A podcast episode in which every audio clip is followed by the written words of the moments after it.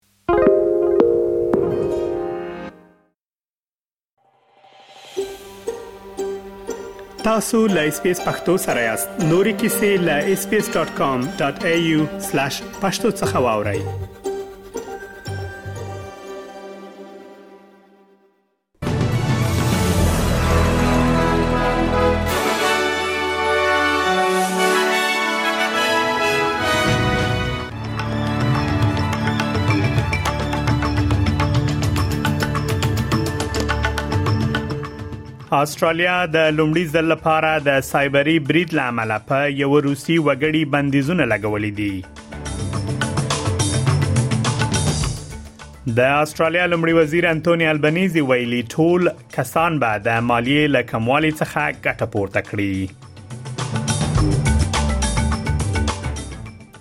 او افغانستان او ایران سره د پولو لټړل وروسته په پا پاکستان کې د میوو او سبزیجاتو بیې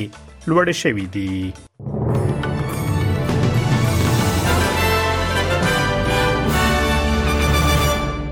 اوس هم پام وکړئ بشپړ خبرونه ته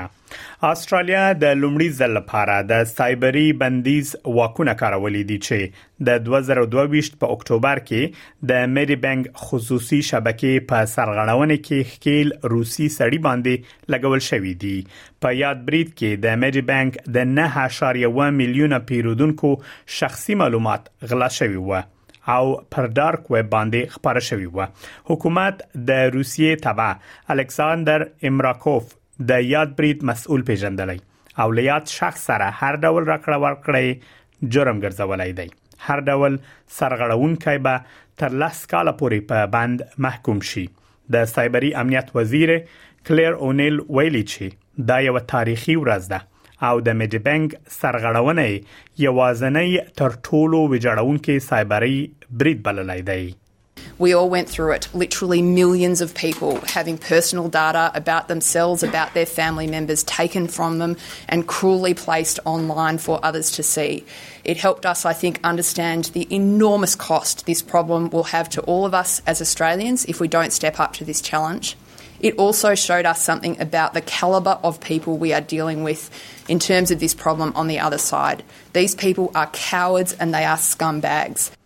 امریکا او انګلستان دا ځل د یمن په پلازمینه سنا کې د حوثي یاغیانو پر ضد نوي بریدونه تر سره کړي دي د متحده ایالاتو د دفاع وزارت له بریتانیا سره په ګډه اعلامیه کې د اتو نویو بریدونو تفصیل ورکړی چې ویلي دي پوزي اقدام د استرالیا، بحرین، کاناډا او هالند ملاتړ لزان سره درلود. حوثي اغیانو ادعا کړې ده چې د یمن په سواحلو کې د امریکا یو بار وړونکې بیړۍ وشتلې ده خو د امریکا دفاعي چارواکو د غبرید رد کړی دی د یاغیانو ډلې بیا ټینګار کړی چې دوی به په یمن باندې هر ډول برید ته ځواب ووایي او په غزه کې د اسرایلو د جګړې په اعتراض کې به لسری بهيري څخه د تیریدونکو بیړۍ وشتلو ته دوام ورکړي فدرال حکومت له حماس او نورو ډلو سره د اړیکو درلودلو لامل په وړاندیز شویو تروریستي سازمانونو باندې بندیزونه لګولې دي او ویلي دي چې دوی د متحده ایالاتو او اروپאי اتحادیه په څیر د متحدینو لخوا لګول شویو محدودیتونو سره موافق دي د بهرنی چارو وزیر پینی وانګ ویلي بندیزونه پر دریو ادارو او 12 کسانو چې له حماس حزب الله او د فلسطین اسلامي جهاد ډلې سره تړاو لري لګول شوې دي د بندیزونو لمخې هغه کسان چې لڅ شویو اشخاص یا ډلو ته پیسې ورکوي او همدارنګه دوی سره راکړه ورکړه کوي په لاس کال بند او د پام ور جریمه سره مخکې دی شي سناتور وانګ دا هم ویلي چې منځني ختیځ ته د هغي ورستي سفر د اسرایل او فلسطین لپاره د دوو دولتونو حل لپاره د حکومت ملاتړ تایید کړی دی هغه له خبريالانو سره په خبرو کې ویلي چې سولې ته هر لار د یو خپلواک فلسطینی دولت پر لور پرمختګ ته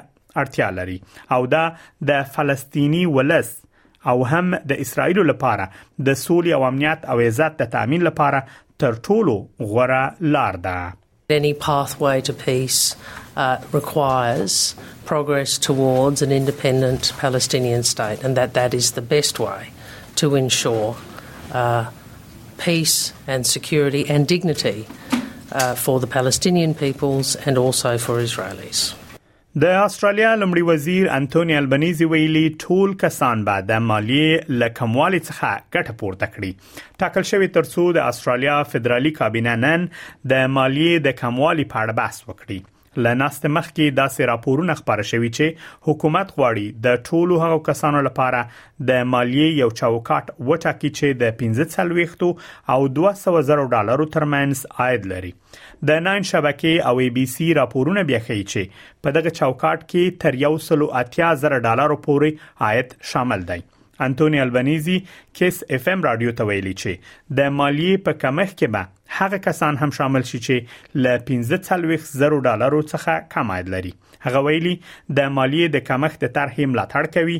او هرچا په مالیه کې به کموالی راشي Uh, I support tax cuts, and everyone will be getting a, uh, a, a, a, tax cut. Look, what, what we need to do across the board, what we're doing is looking at how we can help low and middle income earners. Middle Australia, particularly, is doing it really tough. You know, people have a mortgage, so we're looking at ways in which we can provide uh, assistance to them. افغانستان او ایران سره د پولو لټړل وروسته په پاکستان کې د میوو او سبزیجاتو بیې لوړې شوې دي په پا پاکستان کې خلک د میوو او سبزیجاتو د بیو له لوړوالي شکایت کوي په دغه هیواد کې د میوو او سبزیجاتو بیې له گاونډیو هیوادونو سره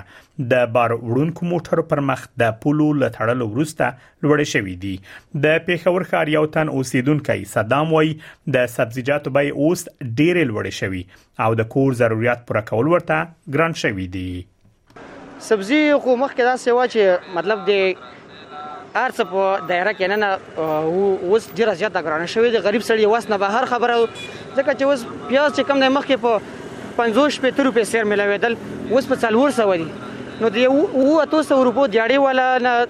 دا به څنګه اخلي مطلب یو سر خو چې ډیر وشي درې ورځې کار به وکي نو غریب سړی دی وسنه دا شی بيخي بهر وته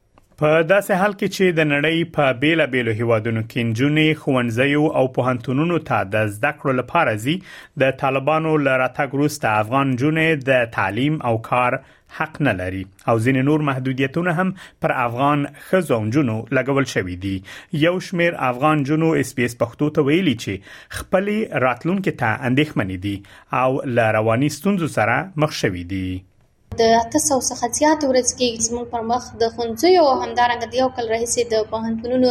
دروازې تړل شوې دي. زما په شمول زیاتره نجونې چې په کورونو کې اوس ناستې بې سرنوشته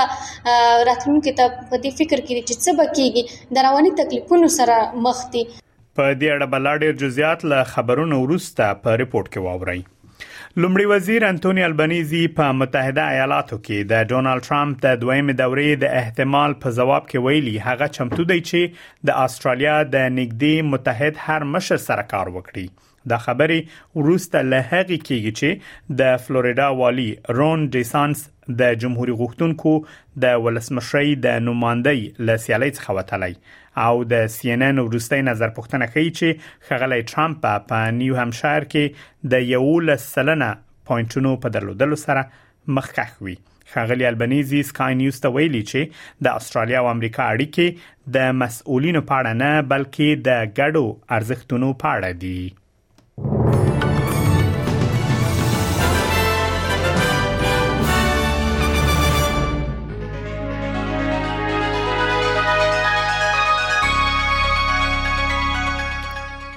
اوس هم پام وکړئ د هوا حالات ته په سیدنی کې وریز د تودوخې لوړه درجه 15 ملبون کې نیمه وریز د تودوخې لوړه درجه 9 پرت ښار کې ډیره لمر د تودوخې لوړه درجه 20 پاجلیټ کې هم ډیره لمر د تودوخې درجه 9 دیرش